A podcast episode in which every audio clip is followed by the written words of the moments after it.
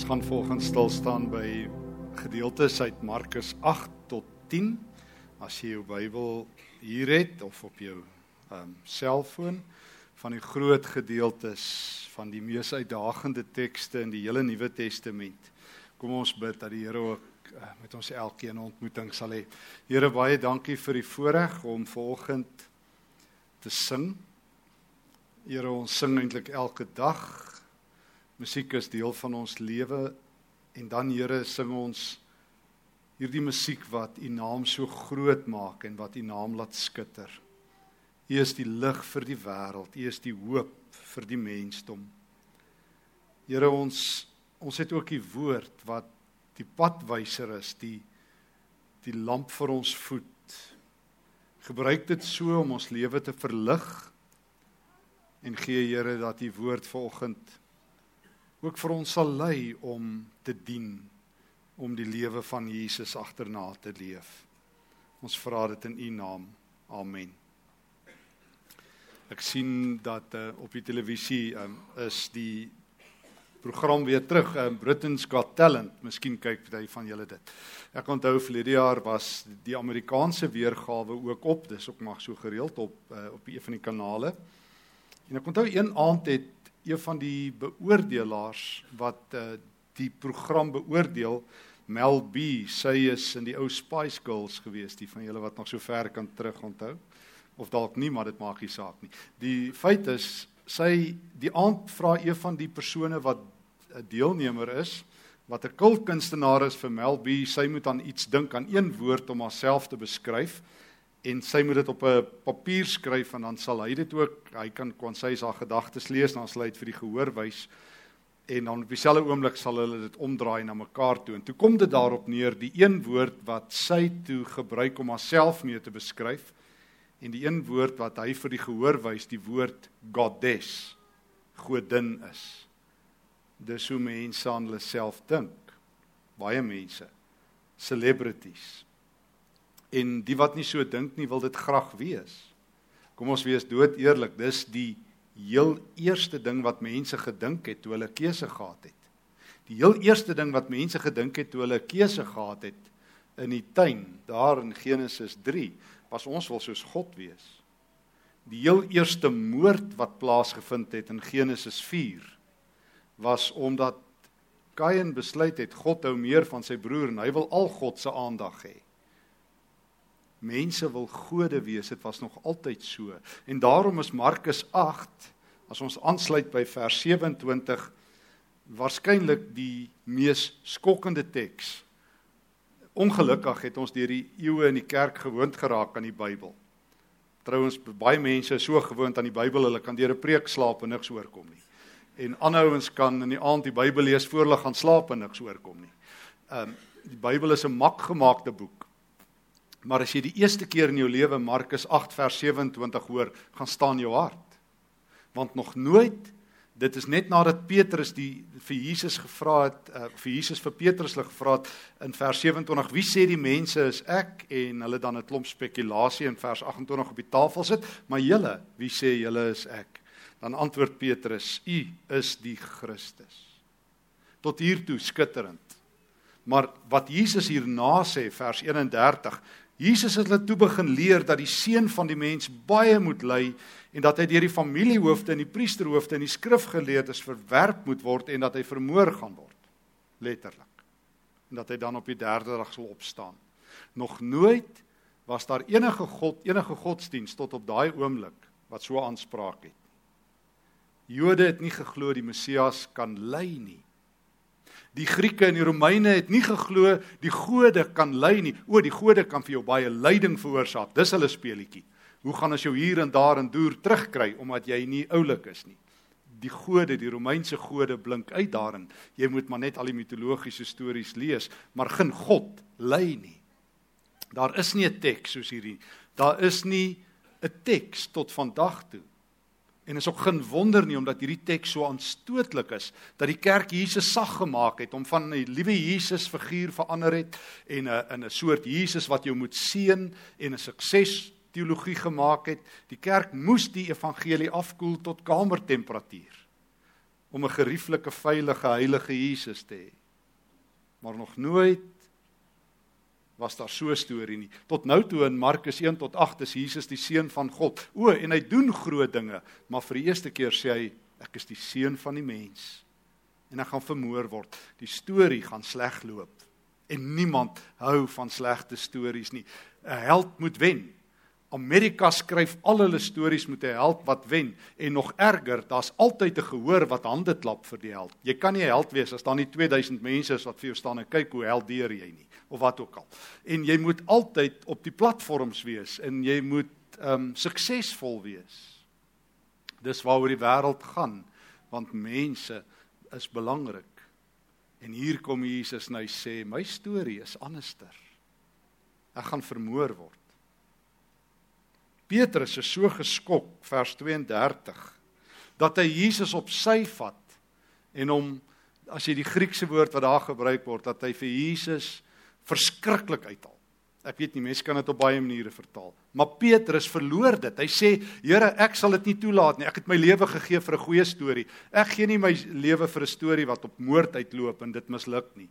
Here, hierdie storie sal stop. U sal die storie nou anders skryf. Ons soek 'n suksesvolle Messias. Wat as ons bid, antwoord, as ons 'n vraag het, dit gee. As ons 'n probleem het, dit uitsorteer. As die hijackers kom, hulle stop. As die kanker kom, hulle stop. As die grondhervorming kom, dit stop. Ons soek 'n God wat vir ons werk. Ons soek 'n een-stop diens wat 'n um, goeie stop is om te maak by U. Moenie in my pad staan nie, Satan. sê Jesus. Jy wil nie wat jy wil wat die mense wil. Mense soek so God, mense soek 'n suksesstorie. Mense soek 'n veilige pad, nie God nie. En dan vir die eerste keer ooit in enige beweging op aarde en enige godsdiens, die eerste keer ooit die aanspraak wat Jesus net daarna maak vers 34, die mees vreemde uitdaging wat Jesus ooit rig Hy het na die skare gekyk en vir hulle gesê as iemand agter my wil aankom, wat beteken jy moet baie mooi dink. Want dit is geen veilige voorspelbare rustige roete nie. Sal jy jouself moet verloon. Verloon beteken sal jy alles wat aan jou lewe waarde en identiteit gee moet opweeg en jou kruis opneem, dit los en Jesus volg. Dink mooi. Dis nie vir enigiemand bedoel nie. Jesus se pad hemel toe, sy pad lewe toe, sy pad wat jy moet loop, is die van 'n kruis. Die eerste keer in die geskiedenis word mense wat 'n leier wil volg, se pad beskrywe as 'n kruis. Weer 'n keer het die kerk die storie van die kruis versag. Kruis het so sag geword dat dit ornament is wat om jou nek hang of in 'n huis is, maar wat eintlik skadeloos is. Die eerste hoorders wat dit hoor, hoor dood. Jy dra net 'n kruis as jy op pad is om dood te gaan. As jou hele lewe gedefinieer is deur hierdie hout waaraan jy gaan hang. En dis wat Jesus sê, as jy my volg, loop jy op my pad en waarna toe loop my pad? Na 'n moordheuwel waar God met geweld en brutaliteit deur die godsdienstige stil gemaak gaan word, want van alle mense kan godsdiens nie so 'n storie uitstaan nie. Jy sal jou kruis moet neem en my voltyds volg. Nie na ure nie. Nie wanneer jy afdiens is nie. Nie wanneer dit vir jou gerieflik is nie. Jy sal my moet volg. Jy sal van nou af 'n kruisdraer wees. Dit sal jou identiteit wees. Jy sal nie meer 'n selfbeeld hê nie, maar 'n kruisbeeld. Die kruis sal jou denke, jou prioriteite, jou lewe bepaal. En dit is bitter moeilik. Wie sy lewe wil wen, sal dit verloor, sê Jesus. Jy sal op die pad van die dood moet stap. Feit is, jy gaan in elk geval jou lewe verloor, maar om dit vir my te verloor, sal jy die wêreld wen. Die eerste skokkende woorde, die die pad van die Messias draai suid. Dit draai teen die wind, dit draai op 'n doodloopstraat af en as jy Jesus wil volg, gaan jy sy kruis dra. Gaan jy 'n gekruisigde lewe leef maar gaan jy Christus wen en alles daarmee saam. Mense sou gedink het hierdie storie sou die disippels tot in hulle fondamente geruk het en gebreek het en gestop het. Geniks daarvan nie, hoofstuk 9. Ons sluit aan in vers 30 31. Jesus is op pad deur Galilea. Vers 31 hy het sy disippels weer nader geroep en vir hulle geleer die seun van die mens weer 'n keer verwys hy na homself so sal in die hande van mense oorgelewer word en hulle sal hom doodmaak letterlik hulle sal hom vermoor. En na 3 dae sal hy nadat hy doodgemaak is sal hy opstaan. Hulle dit nie verstaan nie. Daar bestaan nie 'n teks 'n boek soos die Engelse sê 'n skrip wat wat sin kan gee hieraan nie. Die eerste keer, hier is God. Ons het hom in lewende lywe tussen ons. Jesus is God met lyf aan en ons sien God. Maar God kan nie so praat nie. God is te sterk. God stuur weerligstrale en hy stuur aardbewings en tornado's. Hy verbrand sy vyande. God word nie deur mense doodgemaak nie. En tog, die tweede keer. Die disippels kan dit nie vat nie. Vers 33. Ook vir die eerste keer na toe Jesus dit gesê het in 'n kruis as die identiteit vir sy disippels uitgepak het. Vers 33 het hy nog 'n identiteitsmerker. Toe hulle daarna in Kapernaum by die huis kom, het hy vir hulle gevra: "Waaroor het julle langs die pad geloop en praat?" Hulle het nie geantwoord nie want hulle het op die pad met mekaar gestry oor wie van hulle die belangrikste is, soos altyd. Die ou ou storie, die slegte ou tyding wie is die belangrikste van nog altyd af. Vandat Adam en Eva op die toneel was vandat die toring van Babel gestaan het vandat Kain op die toneel was is daar net drie mense wat saak maak in elke persoon se lewe en jy's al drie. Me myself and i. Dis die storie van ons lewe. En word jou lewe gemeet in terme van belangrikheid in terme van jou prestasies nee nee Jesus is nooit teen prestasies nie. Maar wanneer dit jou identiteit is wanneer jou identiteit is dat jy toe nou die balkie gekry het, die top 10 presteerder was, die kleure gekry het, die top pos gehad het, dit toe gemaak het in die lewe. Weer 'n keer, jy mag. Maar as dit jou identiteit is, dan is jou enigste gesprek, jou enigste jaloesie, nou wie is die belangrikste? Dan wil jy soos Kain vir Abel doodmaak as dit vir jou lyk God hou dalk net 'n bietjie meer. Dan moet jy hom afbring. En dan sê Jesus vir hulle die les van hulle lewe. As iemand die eerste wil wees, moet hy die heel laaste en almal se dienaar wees. Nog 'n identiteitsmerker as jy hom wil volg. Kruisdraer, dienskneg. Letterlik in die Griek sê Jesus het eintlik volgens Markus baie sterker net as die vertaling. Hy sê dan moet hy die laaste van almal en almal se dienskneg wees. O dien um, is volop. Dit is polities korrek om nou in Suid-Afrika te dien. Jou maatskappy kry BBE punte daarvoor jy moet. Dis polities korrek om by die kerk um 'n bydrae te gee. Dis polities korrek om oral 'n hart te hê, om by 'n funksie 'n donasie te gee. Dis reg, maar dis een ding om dit te gee. Dis 'n ander ding om 'n dienskneg te wees. 'n Diakonos. Dit is die een nuwe term waarmee Jesus sy kerk beskryf wat net verdwyn het van die radarskerm af. Ek het en ek tot my eie ek praat vir myself. Dis nie die term waarmee ek my aan mense bekendstel nie. Ons word geken as dit en dat en doen die al die groot terme, maar die die sleutelterm, die ereterm wat Jesus vir sy kerk gee, is 'n bediende. En raai wat het ons met daai term gemaak in Suid-Afrika? Jy weet baie goed, as jy die woord bediende gebruik, wie word bedoel? Nie Christene nie. En dis die nuwe ere term wat Jesus vir sy disippels gee. Julle sal my bedienis wees. Om 'n dienaar te wees, 'n dienskneg, 'n diakonos, kan jy nie koop nie. Jy kan dit nie met jou geld verdien nie. Jy kan dit nie in die kollektebordjie gooi nie. Jy kan dit nie nou en dan by 'n by 'n vrygewigheidsfunksie tentoonstel nie. Dit vra karakter, dit vra 'n lewe van Christus. Dit vra 'n verhouding want dit is verhoudingstaal, die laaste van almal en almal se dienaar. Dis die lewe van Jesus. Die skokkende lewe. Ek kan verstaan dat Markus uit meeste mense se Bybel verdwyn net Markus 8 tot 10. Dis net te swaar. Trone en krone pas ons almal, my en kluis beter. as om 'n knegg te wees. En dis tog hoe Jesus aarde toe kom, die knegg van God. Ons wil dit nie hoor nie, Jesus. Ons sal keer dat U vermoor word. Ons soek nie 'n Here wat op sy knieë voor ons staan nie. Sê iemand nou die dag op Facebook weer, ek buig voor niemand nie, net voor God en ek dink Jesus het voor almal gebuig. Maar jy sê ek sal net voor God buig. Jesus buig voor elke mens deur sy lewe te gee, want dis wat dit beteken as jy jou lewe gee. O, hoe het ons Jesus nie mak gemaak nie. Ek het dit eers vir myself geskryf sommer in 'n boek oor oor wat die lewe van Jesus is en hoe hierdie lewe lyk. As jy die evangelie gesnap het, dan betaal jy altyd meer in enige verhouding in as wat jy uittrek. Ek hoor so baie mense wat sê hulle is so teleurgesteld met hierdie persoon en daai persoon. Sê iemand dag vir my, jy weet, as jy swaar kry, weet jy wie is jou vriende.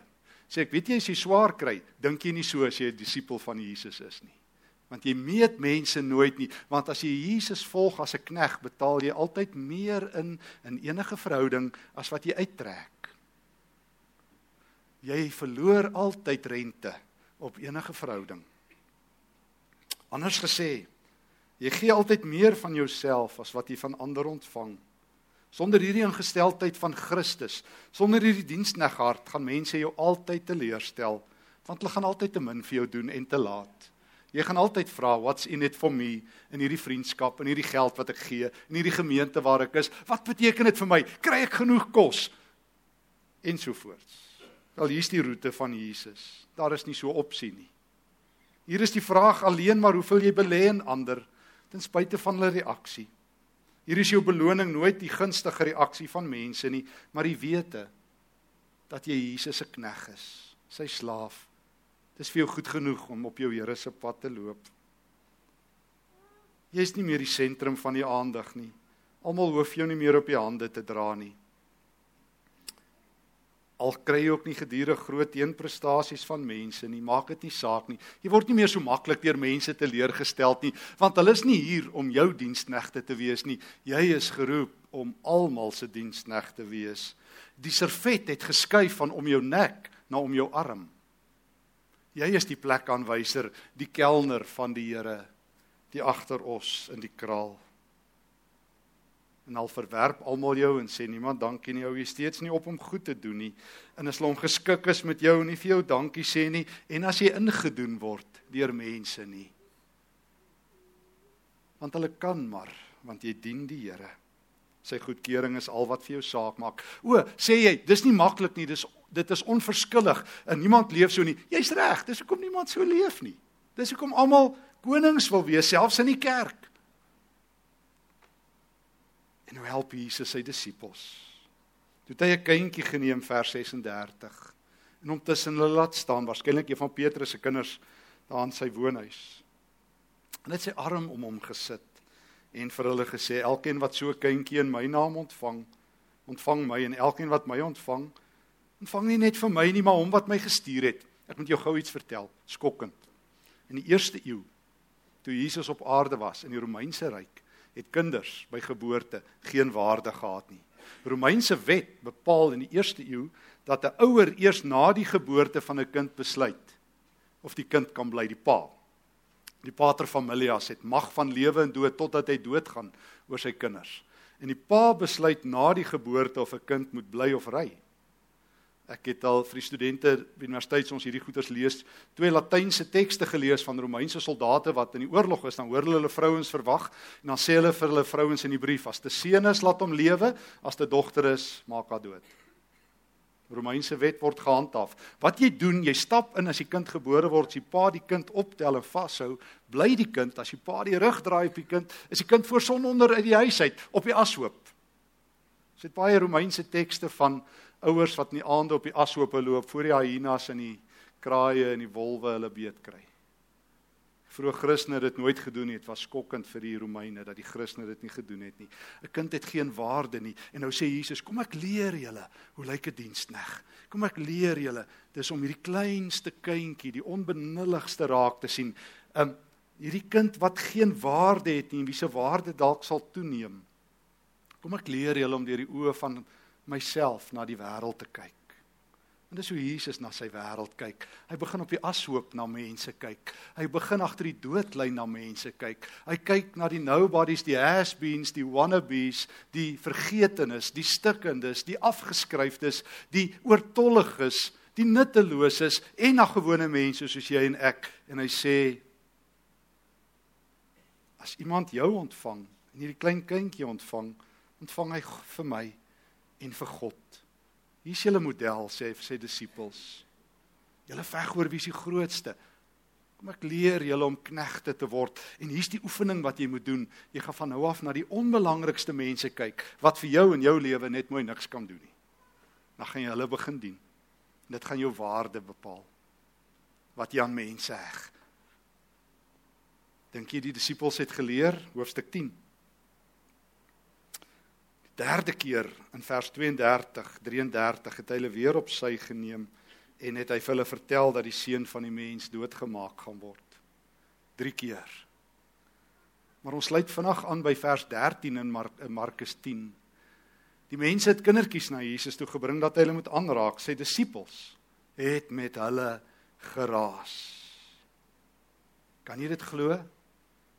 3 keer sê Jesus die seun van die mens kom om te sterf. Drie keer leer hy vir sy disippels: "1, jy sal 'n kruis moet dra om hierdie om my te volg. Tweedens, jy sal 'n jy sal 'n bediende moet word, my bediende." En dan derdens, kom ons kyk wat's die les. Die ouers bring hulle kindertjies.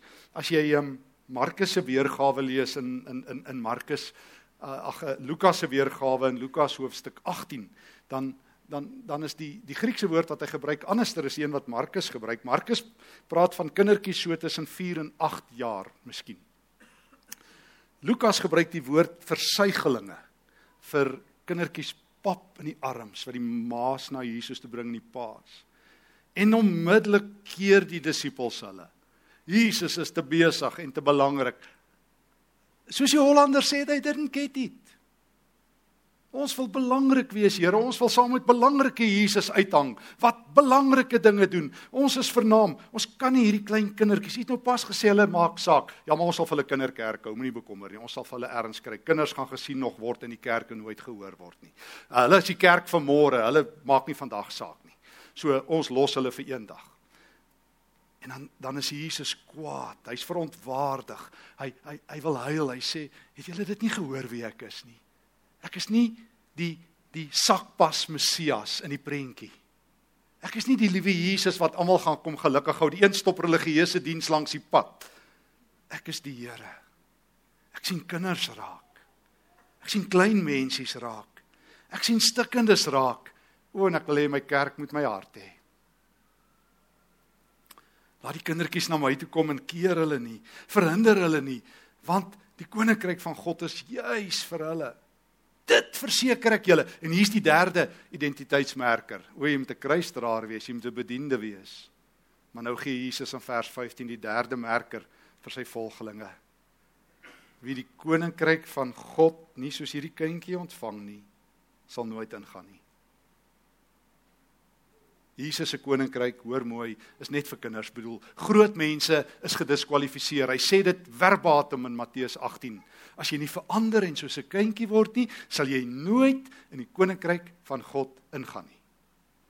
God kan met groot mense net mooi niks doen nie. Hulle weet alles, hulle harte is hard, hulle ken die lewe, hulle is nie meer naïef nie, hulle is oor die ergste ehm um, verbroosheid. Hulle staan op hulle eie voete en nou kom Jesus en sê as jy nie verander en weerloos en swak en hulpeloos raak nie, kan ek vir jou niks doen nie. Jesus is nie besig om te sê soos wat die groot mense hierdie tekste opereer, ons net soos 'n kind glo in die dom nie. Jesus het dit nooit gesê nie. Dis net groot mense wat so dink. Jesus kyk na die weerloosheid, die broosheid van 'n suigeling. 'n Kind het 'n ouer nodig om hulle te beskerm. En hierdie groot mens wêreld gaan ook vir Jesus na hulle toe bring, maar met spykers. Hulle gaan hom vermoor. Hulle gaan die kind van God hanteer soos 'n misdadiger, maar die kind van God hanteer kinders met sy arm om hulle. En dis hoe Jesus wil hê in hierdie wêreld maak mense mekaar dood. Hulle brand mekaar. Ons leef in 'n skrikwekkende wêreld in Suid-Afrika sien ons dit. En in hierdie wêreld gaan gelowiges dood, maar die seun van God sê: "Julle wat my volg, gaan julle arms om my mense sit en vir hulle dien en hulle lief hê en vir hulle waarde gee en hulle beskerm, maar julle sal moet verander en self kinders word." Ek herinner my ehm um, my studente daar ehm um, um, my vrou het um, daai jare toe ons nog uitgegaan het, het sy opvoedkunde gestudeer en ek onthou een van die definisies wat hulle gehad het vir vir kinders was dis iemand wat op pad is na volwassenheid. En ek onthou ek was vir 2 dae geskok dat sulke goeters by universiteite geleer kan word, sulke nonsens. Ek ken daarom universiteite goed genoeg om dit ek my tyd daar deurbring en baie van die goed moet mens maar liewers nie vat nie, maar maar daai was een van die nonsensste goeters wat ek ooit gehoor het. So 'n kind is nie 'n mens nie, hy is nog op pad om 'n mens te word. Kerk van môre, as die kinders groot is, wat sal van ons word? Maar die Here sê, laat die kinders na my toe kom. Laat die groot mense kinderharte kry.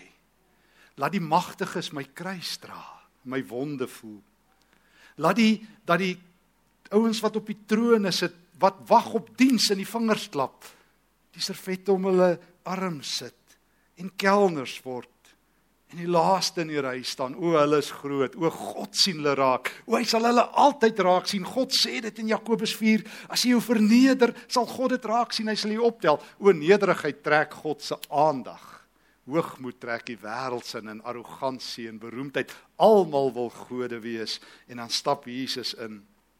En hy het sy arm om hulle gesit en hulle geseën. Kruis bediende wees, kind wees is die roete van Jesus. En soos Colin gesê het in hierdie maand val die fokus op gesprek by KSM. Hoe gaan ek pratende dien? Ek wil begin afrond en afsluit met 'n storie wat ek sommer ergens op Facebook raakgeloop het wat in Bethlehem in die Vrystaat afgespeel het.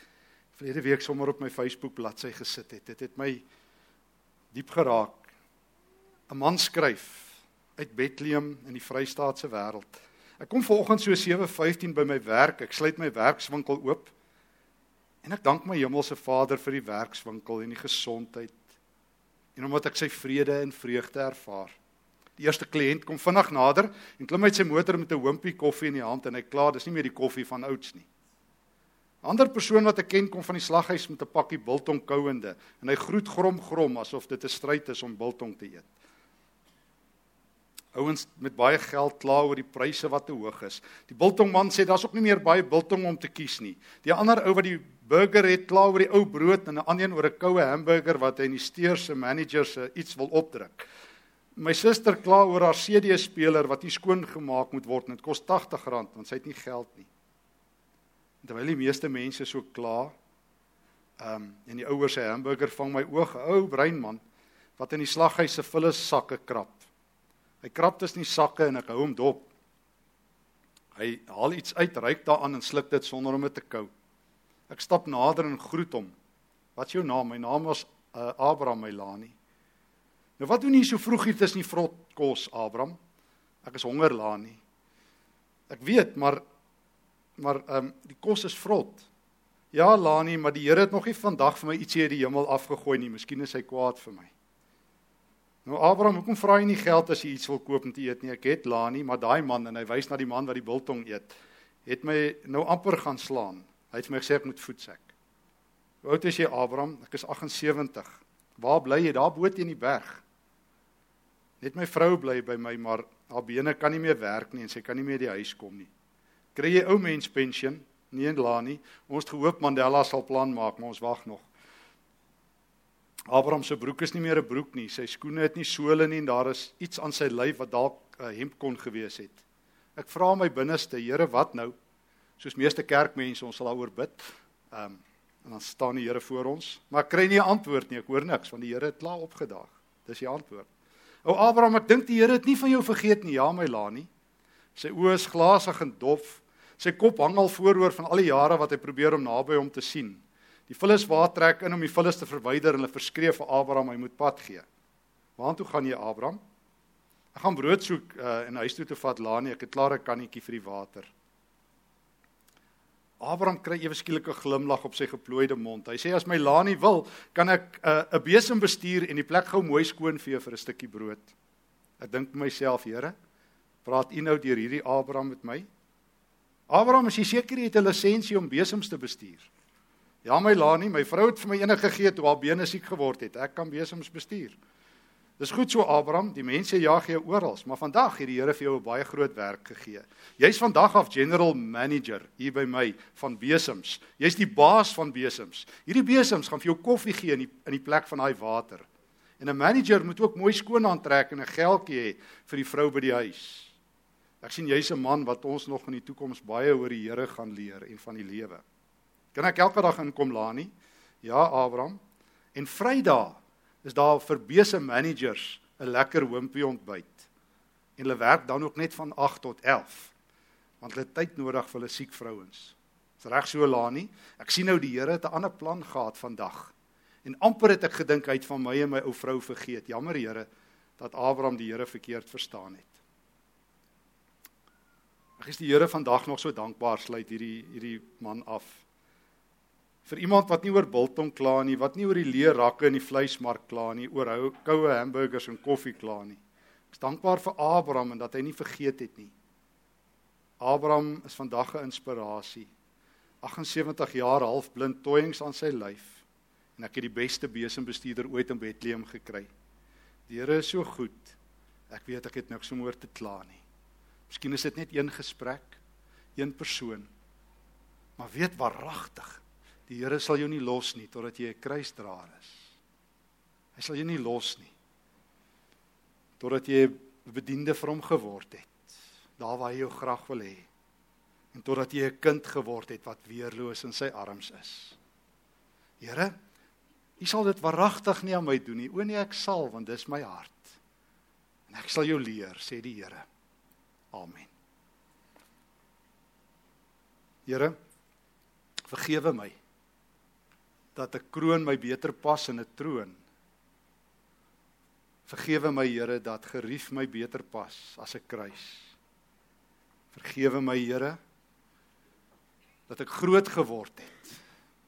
Leer my om weer 'n kind te wees en mense soos 'n kind te ontvang. Hier is ek, Here, om deur U geleer en gevorm te word. Amen.